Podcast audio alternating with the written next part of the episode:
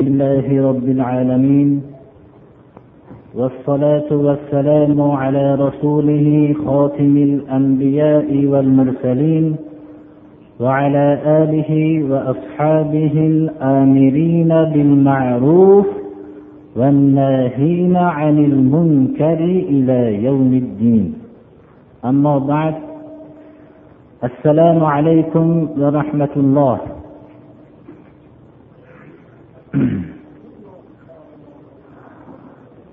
Bugungi kun juma kuni. Bugungi kun janobi rasululloh sollallohu alayhi vasallam va u kishining ashobi kiromlari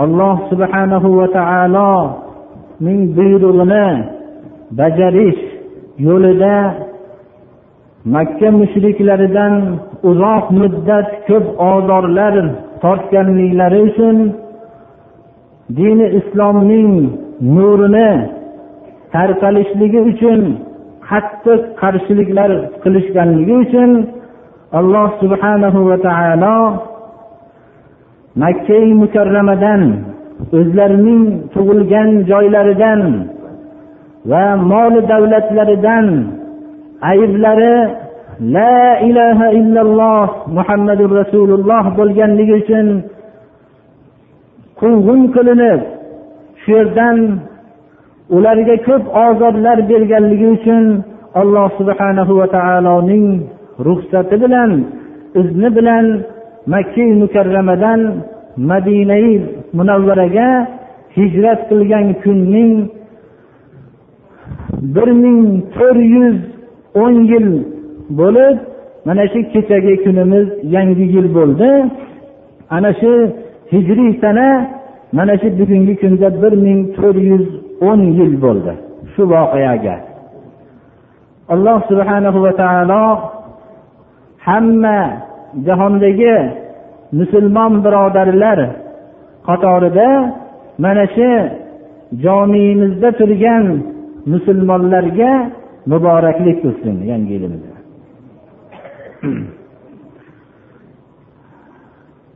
hijrat haqida ko'p gapirib o'tgan bo'ldik. Yilning tarix tuzilishligi haqida bir kalima aytib qo'ymoqchimiz. Payg'ambarimiz sollallohu alayhi vasallam davrida tarix tuzilgan emas edi. U kishining xalifalari abu bakr roziyallohu anhuning xilofat davrlarida ham tarix tuzilgan emas edi.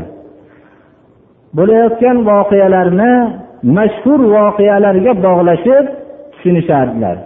Masalan muhammad alayhissalomning tug'ilgan yillari fil yilida bo'lgan. Mana bu voqea fil yilidan bir yil keyin mana bu voqea harbul fujjor degan mashhur bir jang bo'lgan johiliyat davrida. Ana shu voqeadan uch yil keyin yoyinki uch yil ilgari shunga o'xshagan mashhur voqealarga bog'lashib tarixlarni aniqlab olishardilar. Umar ibn hattob xalifa bo'lganlaridan keyin rabiul avvalning rabiul avval oyida mana shu hijrat voqeasi bo'lgan edi. Umar ibn hattob ashobi ikromlarni to'plab tarix qurishlik haqida maslahat so'raganlarida ali karramallohu vajhahu u kishi tarixning hijratdan olishligiga maslahat berdilar. Bu maslahat amirul mo'mininga manzur bo'ldida tarixni hijratdan olishlikka qaror qildilar. Lekin hijrat kuni rabiul avval oyida bo'lganligi sababli yilning avvali hozirgi biz turgan oy muharram oyi ya'ni oshur oy bo'lganligi uchun yilning avvalgi oyidan boshlashga qaror qildilar. O'zi hijrat rabiul avvalda bo'lgan edi. Ya'ni ikki oydan ko'proq muddat oldiga surishdilar. Shuning uchun muharram oyini birinchi kunini hijrat go'yoki bo'lgan kun deb e'tibor qilindi. Bu tarixning qurilishligi hijratdan o'n olti yil keyin qurildi mana shu. Mana shu kunni biz tariximizni bugun mana muharram oyining ikkinchi kuni bir ming to'rt yuz o'ninchi yil o'zlarining vatanlaridan moli davlatlaridan judo bo'lib olloh rasuliga qochgan kunga bir ming to'rt yuz o'n yil bo'ldi birodarlar. Ana shu davrdan beri din dushmanlari bizni islomga chang solishlarini to'xtatganlari yo'q. Lekin alloh subhanahu va taoloni bu dinini hech kim yo'qota olmaydi.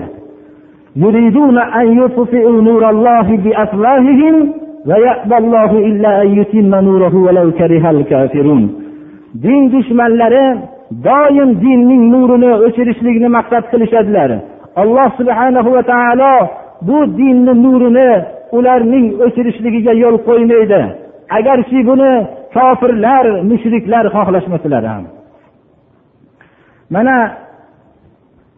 ana shu hijratning foydalarini tamomiy bashariyat lazzatini tatib turgandek bizning mana shu o'tirishlarimizda ham ana shu hijratning albatta hissasi bor. Ana shu hijrat sababli dini islom madinada tarqaldi va keyinchalik olamdagi barcha millatlar o'rtasida mana shu din islom tarqadi. Biz haqiqatda mana shu kunni esdan chiqarmasligimiz nihoyatda zarurdir birodarlar mana.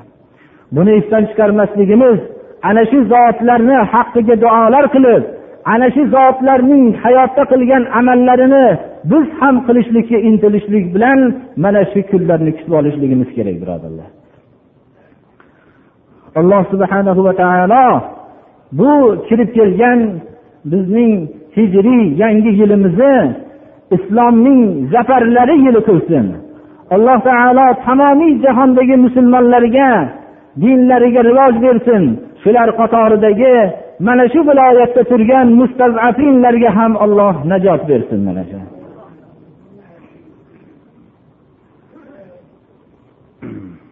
Payg'ambarimiz sollallohu alayhi vasallamning odat sharifalari yangi oyni ko'rganlarida oyga qarab duo qilardilarki اللهم أهله علينا بالأمن والإيمان والسلامة والإسلام ربي وربك الله خدايا shu oyni bizga osoyishtalik iymon oyi qilgin. Va hamda salomatlik islom oyi qilgin.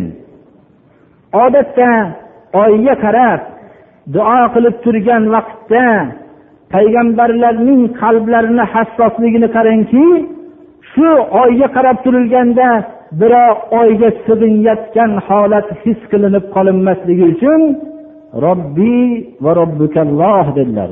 Mening va sening ey oy rabbim ollohdir degan kalimani aytib qo'ydilar mana. Bizlarga ham alloh subhanahu va taolo mana shu oyni osoyishtalik iymon oyi qilsin salomatlik va islom oyi qilsin.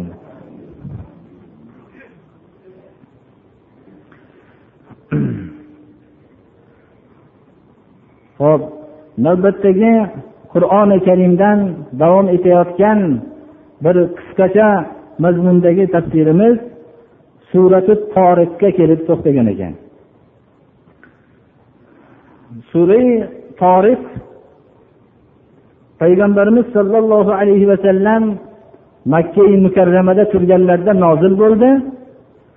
Oyatlari o'n yetti oyatni tashkil qiladi.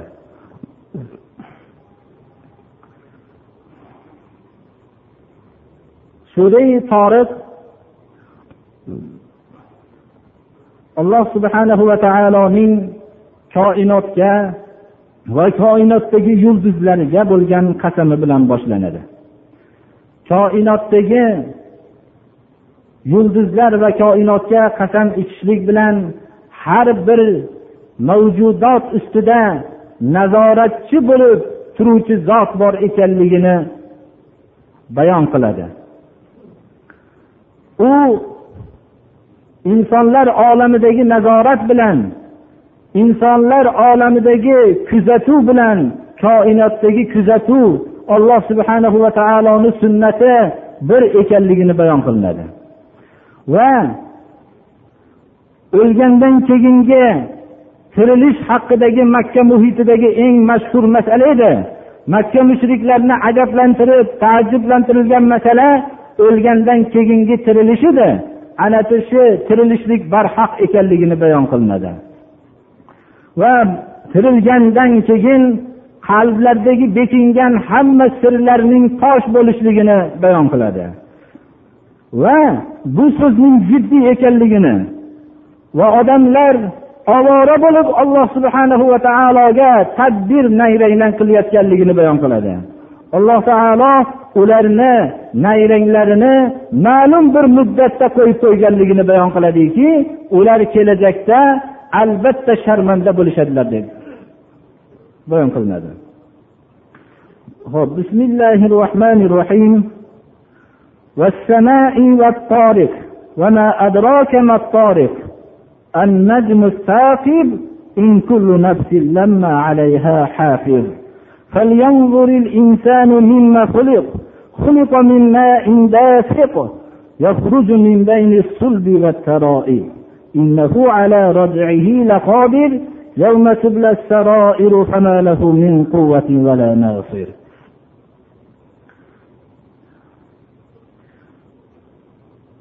osmonga koinotga qasam va qorong'ilikda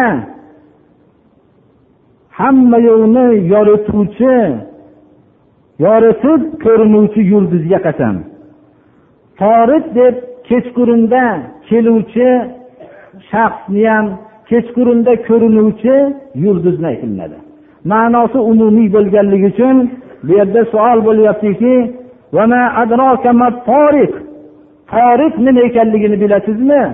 Toriqni nima ekanligini bilishlik inson idrokidan tashqari narsadir. U toriq ya'ni hamma qorong'ilikni kechaning zulmatini yoruvchi bir yulduzdir.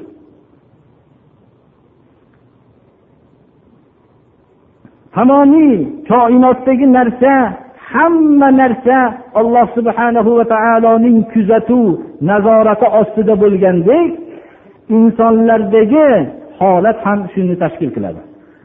Alloh taolo osmonga va osmondagi qorong'ilikni yorituvchi yulduz nomiga qasam ichib har bir mavjudot har bir jonli narsani ustida nazorat qilib shuni noto'g'ri yo'lga ketayotganligidan shuni halok bo'lishlikdan saqlab turuvchi ekanligini bayon qiladi. Lammo kalimasi illo ma'nosida ya'ni.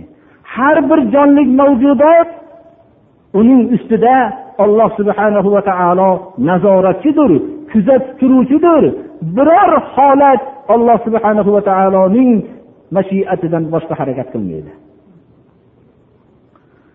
Inson o'zining ixtiyori yo'q bo'lgan holatiga nazar tashlasa buni ravshan biladi mana. Agar alloh subhanahu va taoloning qanchalik miqdordagi insonni nazorat qilib turganligini bilmoqchi bo'lsa inson qarasin nimadan yaralganligiga.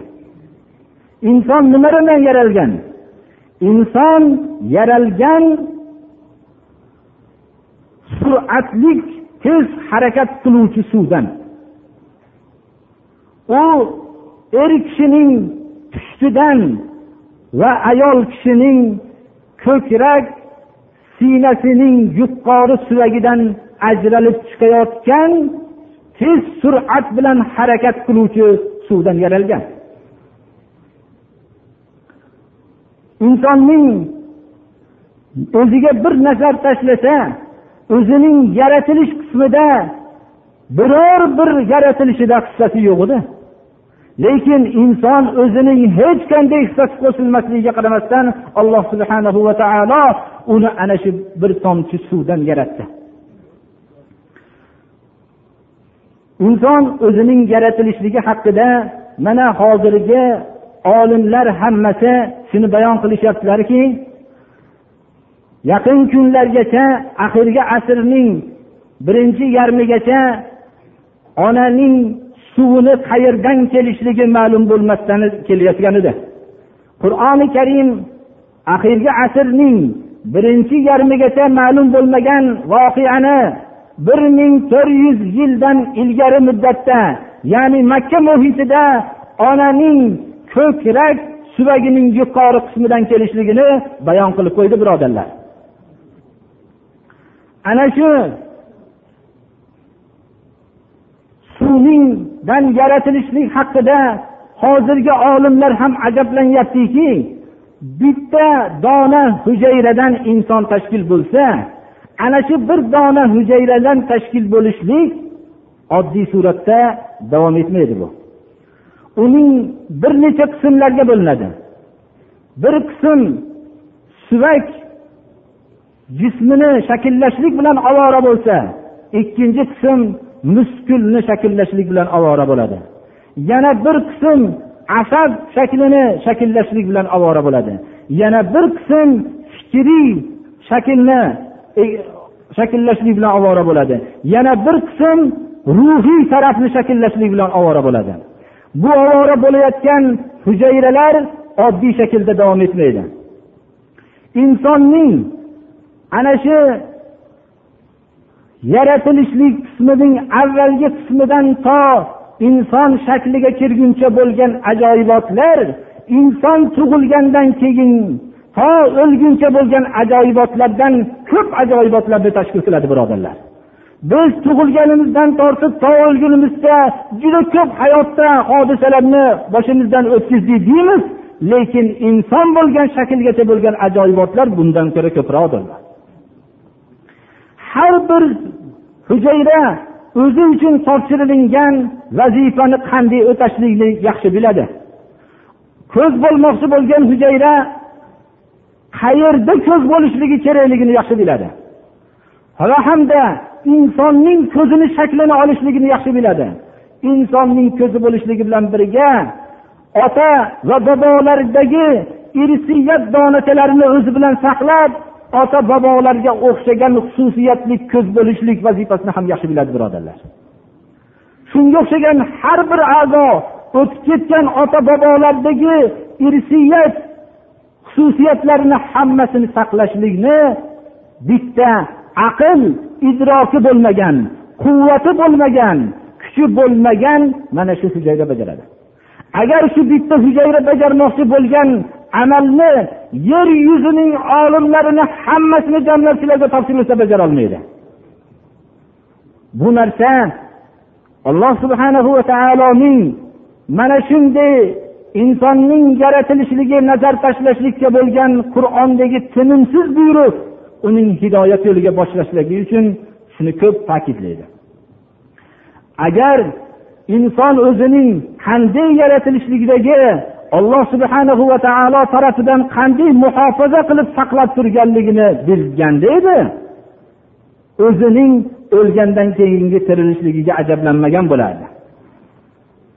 Ana inson qarasin nimadan yaratilganligini. U pusht va siynadan ajralib chiqayotgan tez harakatli bo'lgan suvdan yaratilgan. Ana ana shunday olloh subhanahu va taolo insonning ixtiyori o'zining hech qanday qudrati bo'lmagan vaqtda inson qilib yaratgan edi shu olloh uni haytatdan o'lgandan keyingi tiriltirishlikka albatta qodirdir. Lekin bu o'lgandan keyingi tirilishlik bilan avvaldagi yaratilishlik dunyoga kelish o'rtasida farq bor. Bu insonni o'lgandan keyingi tiriltirishlikda endi butun qalbdagi bekitilingan narsalar qilgan amallar hammasi inson qilinadigan kunda tiriltiradi. Endi inson qilgan amallari ular muhmal qo'yilmaydi. Uni hamma bekitgan narsalari imtihon qilinadigan kunda qaytadan uni tiriltiriladi. Unda bo'lib ham hamma beshik narsalar ochilganda bu insonning kuch quvvati bo'lmaydi. O'zini mudofaa qilishlikka va hamda uni hech qanday yonida yordamchisi bo'lmaydi. Ana hamma siri oshkor bo'lgan holatda va yonida hech qanday quvvatu yordamchi bo'lmagan holatda alloh subhanahu va taolo uni o'lgandan keyin tiriltiradi. ana bu yerda yana makka mushriklarining o'lgandan keyingi tirilishlikka bo'lgan qarshiliklari qattiq bo'lganligi uchun inkorlari kuchli bo'lganligi uchun alloh subhanahu va taolo keyingi oyatni yana qasam bilan boshlayapti والأرض ذات الصدع إنه لقول فصل وما هو بالهزل yomg'irlik osmonga qasam rajun deb yomg'irni aytamiz. Chunki osmondan ketma ket kelganligi uchun arab tilida rajunni yomg'ir ma'nosi ham bor. Bundan o'simlik. Murod ya'ni o'simlik. Yerni shunday yorib chiqqanligi uchun yorish ma'nosini o'simlikka iste'mol qilinadi.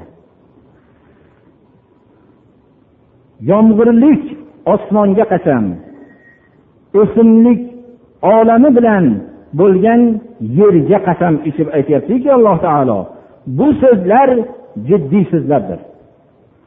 Bu so'zlar hazil so'zlar emas bu. Bu o'lgandan keyingi tirilishlik hazil so'z emas bu jiddiy so'z bu. Mana shu oyat kalimadagi mana adabiyot ilmi bilan ko'p shug'ullangan kishilar qur'oni karimni ko'p o'qisalar yana ham qur'onni alloh subhanahu va taolo tarafidan ekanligini yana yaxshiroq bilishadilar. Yuqoridagi alloh subhanahu va taolo insonni suvdan yaratdi. Suvdan bachadon zulmotidan farzand chiqardi. Xuddi osmondan kelgan suvni yog'dirib yerning qorong'iligidan o'simlik chiqardi.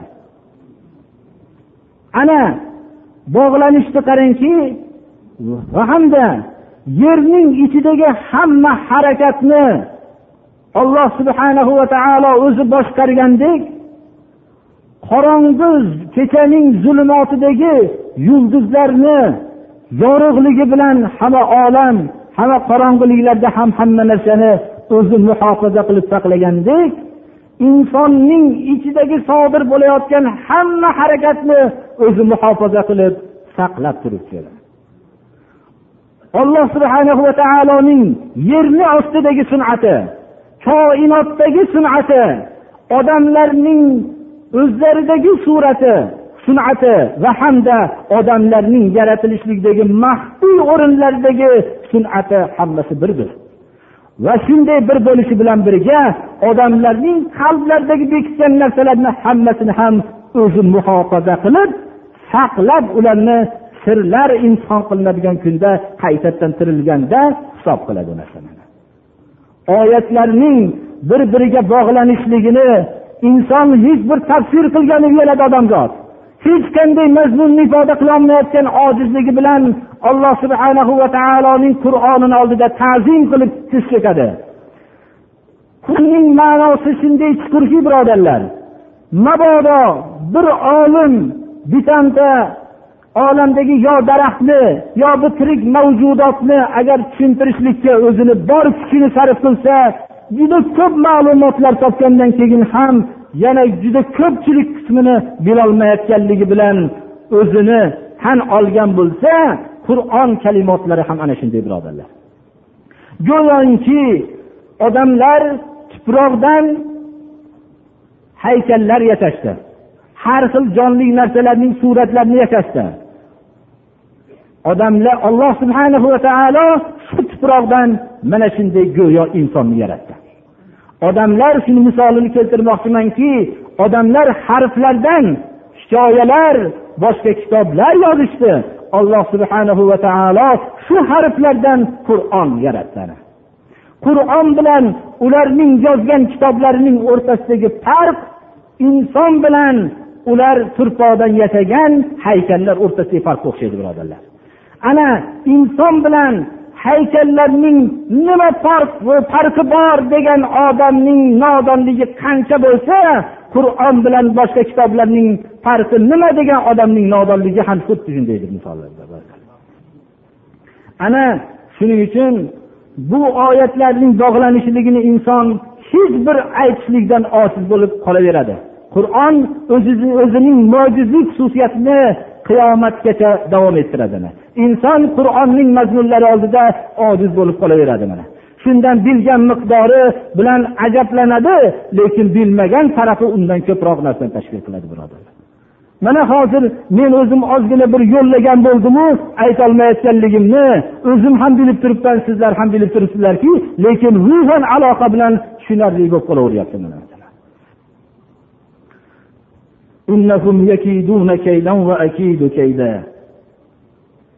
Ana shu odamlar bir tomchi suvdan yaratilingan odamlar o'zlarining yaratilishligida hech qanday hissalari yo'q bo'lgan odamlar ixtiyorlaridan tashqari yaratilingan odamlar ana shu odamlar olloh subhanahu va taoloning payg'ambariga ollohning yo'liga dini islomga tadbir nayranglar qilishmoqdalar. Men deydi alloh subhanahu va taolo ularni bir tomchi suvdan yaratgan edim va ularni tamomiy inson bo'lishlik bosqichigacha hammasini o'zim himoya qilib noto'g'ri yo'lga harakat qilib ketishlikdan saqlab turgan edim va ularning tamomiy olamni yaratgan edim. Va olamdagi hamma yulduzlarni yaratgan edim. Ana shu hamma mavjudotni yaratgan men deydi alloh subhanahu va taolo men ham tadbir qilaman. Endi natija ma'lum. Natija shu ojiz mana shu odamlarning tadbiri alloh subhanahu va taoloning tadbiriga ro'baru bo'lishlikdan juda ojizlik qiladi. Buni tadbir deb atashlikka ham loyiq emas faqat ma'rakaning ikki tarafini shakllashlik uchun tadbir deb atalyapti. Bo'lmasa bu hech qanday tadbir emas. Alloh subhanahu va taolo makka muhitida aziyat tortayotgan alloh subhanahu va taoloni yo'liga ergashgan muhammad alayhissalom va u kishining ashoblarini o'zi himoya qilayotganligini bildiryapti. Ularning tortayotgan aziyatlariga malham berib mana shu so'zni aytyapti va hamda shu yerdagi ma'rakada ish egasi hech buni bir aytishlikka tabir joiz bo'lsa aytamiz ish egasini alloh subhanahu va taolo g'amgin bo'lib turgan rasululloh sollallohu alayhi vasallamni sirtsiz ish egasi. Shuning uchun siz menga ozgina muhlat berib turing kofirlarga jiddiy muhlat bering ularga ozgina muhlat bering men ularning jazosini o'zim beraman deyapti. Bu so'z olloh subhanahu va taolodan rahmatan lil olaminni ozgina muhlat u kishidan so'rashlik u kishining qalbiga tamomiy rohatni kirgizib qo'yardi mana shu. U kishini qalblaridan hech qanday bir rohatdan boshqa narsa qolmasdi qalblarida. Hamma tortayotgan aziyatlari shu bilan yo'q bo'lardi ana kofirlarga muhlat bering. Muhlat bering ozgina deb takror bo'lishligi go'yoki tabir joiz bo'lsa yalingan simon bir holatni ifodalaydi mana birodarlar. Ana makka muhitidagi shunday holatda payg'ambarimiz sollallohu alayhi vasallamga shunday oyatlar keladi u kishidan shunday aziyatlar ko'tarilardi.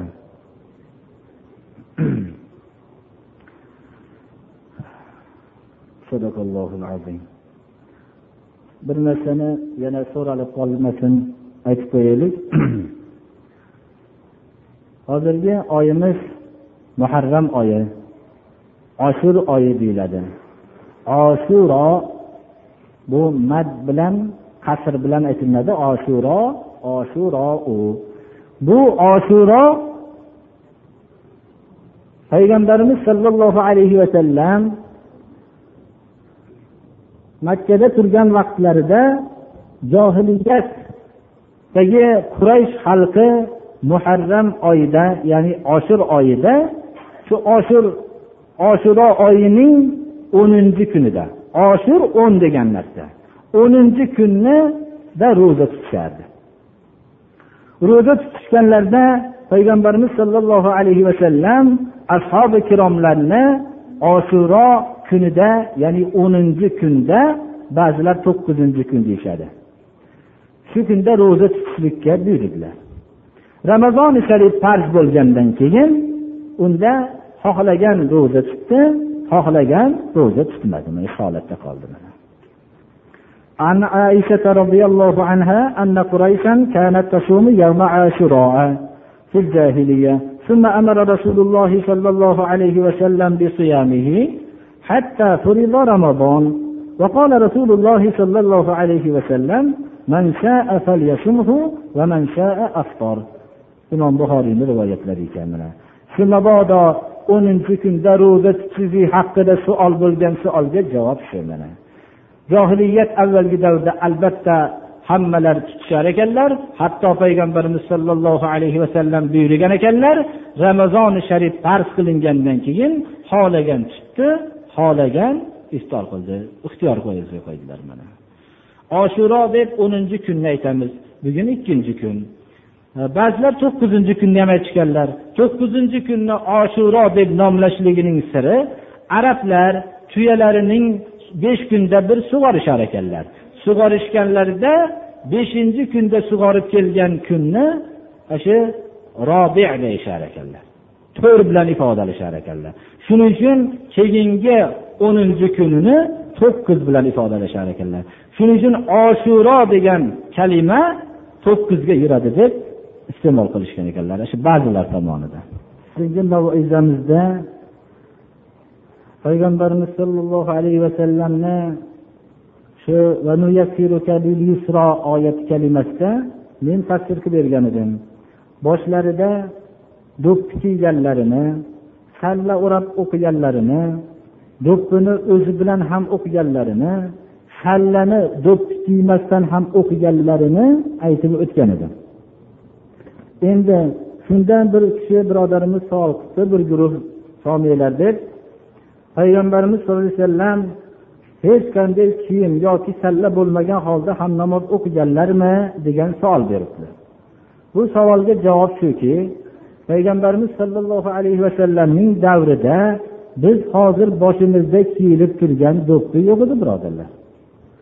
Arabiston viloyati qattiq issiq u yerda bosh kiyimsiz o'qishlik sharoiti bosh kiyimsiz o'qishlik sharoiti juda issiqni ta'siridan oq narsalarni sallalarda shu yopinishib holatda o'qishardilar hattoki sajda vaqtlarida mana buxoriy hadislarda bor peshonalarini sajda qilgan vaqtlarida peshonalariga etaklarini olib borib sajda qilishlikka majbur bo'lgan holatlar ham bo'lganki issiqning ta'siridan endi bu vaqtda mumkin bosh kiyimsiz namoz o'qilmagan bo'lishligi mumkin. Mabodo bosh kiyimsiz bosh kiyim topolmagan odam albatta bosh kiyimsiz namoz o'qigan bo'ladi. Endi bundan bosh kiyimsiz namoz o'qimaslik kelib chiqmaydi. Bosh kiyimsiz masalan bir odam namoz o'qisa uni hech qanday unga bir zarar yo'q albatta. Bosh kiyimsiz namoz o'qishlik haqida mana muxtasaril viqoyada bitta shu gapirilganki karohat deyilganki mabodo bosh kiyimsiz o'qisa makruhligi bor. Lekin shu boshini unaqa ulug'lamasdan turib bosh kiyimsiz o'qisa zarari yo'q degan. Bundan misol bir bosh kiyimsiz o'qiyotgan ba'zi birodarlarga birovlarni tajovuz qilishlariga hech qanday haqlari yo'q. Meni fikrim shu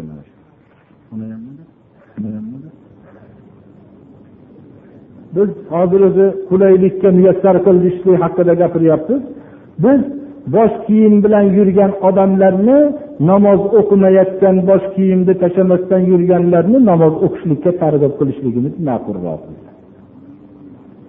ko'proq bosh kiyim haqida bosh qatirayotgan kishilarning namoz o'qimayotganlarga bo'lgan beparvo qarashlari beparvo qarashadilar. Namoz o'qimagan odamga nisbatan.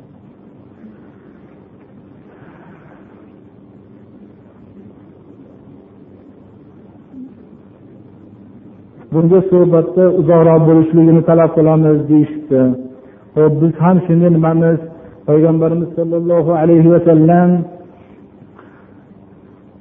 ko'p ashoblarga ko'p maviza qilmas ekanlarki malolatdan qo'rqar ekanlar.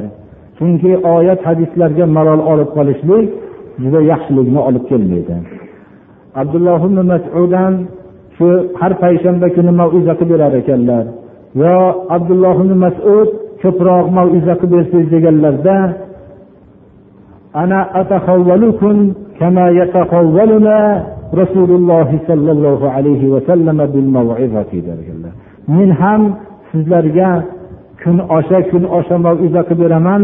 Rasululloh sollallohu alayhi vasallam bizga ham shunday shoshmasdan maviza qilib berardilar uni shu o'n besh minut kam uchta boshlashligimiz ikkidan ilgari chiqmasligimizning siri hozir havo nihoyatda issiq bo'lganligi uchun salqinda o'tirgan birodarlarnigina rioya qilmasdan oftobda o'tirgan birodarlarni rioya qilyapmiz xolos shu sabab shu. Boshqa sabab yo'q birodarlar. Agar biz xohlasak inshaalloh xotirjamroq holatga bo'lsa biror soat bemalol naviza qilamiz inshaalloh. Shu savol bo'libdi mana.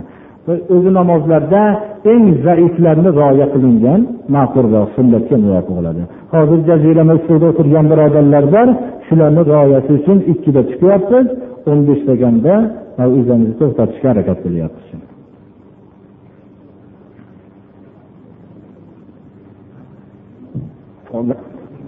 hammamizni gunohlarimizni mag'firat qilsin. O'tgan yildagi gunohlarimizni alloh mag'firat qilsin. Bu kelajak yilda yaxshi amallar qilishlikka alloh muvaffaq qilsin. O'tgan yilda qilgan yaxshi amallarni minnat qilib zoyi qilib qo'ymaylik deb alloh taolo. Bu yilimizni islomning rivoji yili qilsin.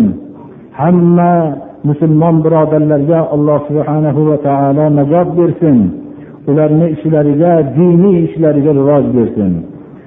Shu qatorda bizni mana shu jomidagi ozgina musulmon birodarlarni ham mana shu maqsadlarini mana shu yilni tezroq muddatida muyassar bo'lishlikka alloh muvaffaq qilsin. Mana shu yerda haqiqat so'zlarga aytishlikka parvardigoro muvaffaq qilgin. Manavi maqsadimiz mana mana shu jomini kengayib qolishligi hammaga ma'lum. Alloh taolo shunga bir rivoj bersin tezroq muvaffaq qilib bersin. Amin. Alloh taolo parvardigoro to'g'ri yo'ldan chiqarmasin. Allohu akbar. Allohu akbar. الحمد لله الكريم المنان على عزيز ذي السلطان. خلق الإنسان من تراب ثم قال له كن فكان. يعطي ويمنع ويخفض ويرفع ويصل ويقطع ويشتت ويجمع. كل يوم هو في شأن. أحمده سبحانه على نعمه التي من أجلها نعمة الإسلام وأشكره على تبيين الدين والأحكام وأشهد أن لا إله إلا الله وحده لا شريك له ولا ولد ولا أعوان وأشهد أن محمدا عبده ورسوله سيد ولد عدنان وعلى آله وأصحابه ذوي الفضل والعرفان. أما بعد أعوذ بالله من الشيطان الرجيم. يا أيها الذين آمنوا اتقوا الله حق تقاته ولا تموتن إلا وأنتم مسلمون ey mo'minlar e'tiqodotda alloh subhanahu va taoloni yakka deb e'tiqod qilinglar muhammad alayhissalomni barhaq payg'ambar deb e'tiqod qilinglar e'tiqodotda shirkdan saqlaninglar. Shirk hech alloh subhanahu va taolo kechirmaydigan gunohdir. Shirk eng zulmlarning kattasidir. Luqmon o'zining farzandlariga nasihat qilayotganlarida ya bunayya la tushrik billah inna shirka la zulmun azim. Ey aziz farzandim ollohga shirk keltirmang. Shirk nihoyat darajada katta zulmdir. Bir odamning zolim bo'lishligi uchun mushrik bo'lishligi o'zi kifoya qiladi. Bundan ortiq zolim yo'q. Zolim bo'lgandan keyin zulm qiyomat kunining qorong'iligi. Payg'ambarimiz sollallohu alayhi vasallam zulm qiyomat kunidagi qorong'iliklardir dedilar. hamma qorong'ulikda qolsa zolimlar mushriklar eng ko'p qorong'uliklarda qoladi shirkni alloh subhanahu va taolo kechirmaydi amaliyotda bid'atdan saqlaninglar bid'at eng gunohlarni kattasidir فقد زعم أن محمدا خان الرسالة vakia degan kishi aytgan ekanlarki kim bid'at tuzib shuni yaxshi amal degan bo'lsa muhammad alayhissalom risolatga xiyonat qilgan debdi o'sha odam. Chunki mana shu narsani aytmay ketgan degani bilan bab barobar degan ekanlar alloh subhanahu va taolo ana shu bid'atdan saqlasin. Shirk nihoyat darajada insonning qalbiga maxfiy suratda kirib boradi. Abdulloh ibn abbos shirkning maxfiyligini ifodalab الشرك أخفى من دبيب النمل على صفات سوداء في ظلمة الليل shirk shunday maxfiy amalki kishining qalbiga shunday kirishligini o'zi ham sezmay qoladiki qora chumolining qora silliq tosh ustida kechaning qorong'iligida kech kirishligidan ham maxfiyroqdir degan ekanlar Alloh subhanahu va taolo e'tiqodatda shirkdan saqlasin amaliyotda bid'atdan saqlasin أعوذ بالله من الشيطان الرجيم. إن الله لا يغفر أن يشرك به ويغفر ما دون ذلك لمن يشاء ومن يشرك بالله فقد ضل ضلالا بعيدا. بارك الله لي ولكم في القرآن العظيم ونفعني وإياكم بما فيه من الآيات والذكر الحكيم. إنه هو الغفور الرحيم. والصلاة والسلام على رسوله محمد وعلى آله وأصحابه أجمعين. الآمرين بالمعروف والناهين عن المنكر إلى يوم الدين خصوصا على الصديق والفاروق وذي النورين والمرتضى أئمة رضوان الله تعالى عليهم أجمعين. منا هذه الصلاة واعف عنا مع جميع نقصاناتها بفضلك وكرمك يا أكرم الأكرمين ويا أرحم الراحمين. اللهم إنا نسألك العفو والعافية في الدين والدنيا والآخرة. اللهم إنا نعوذ بك من الكفر والفقر والجبن والكسل ومن فتنة المحيا ومن فتنة الممات ومن فتنة المسيح الدجال ومن فتنة عذاب القبر وأن نرد إلى أرذل العمر. Alloh taolo mana jum'adan u jum'agacha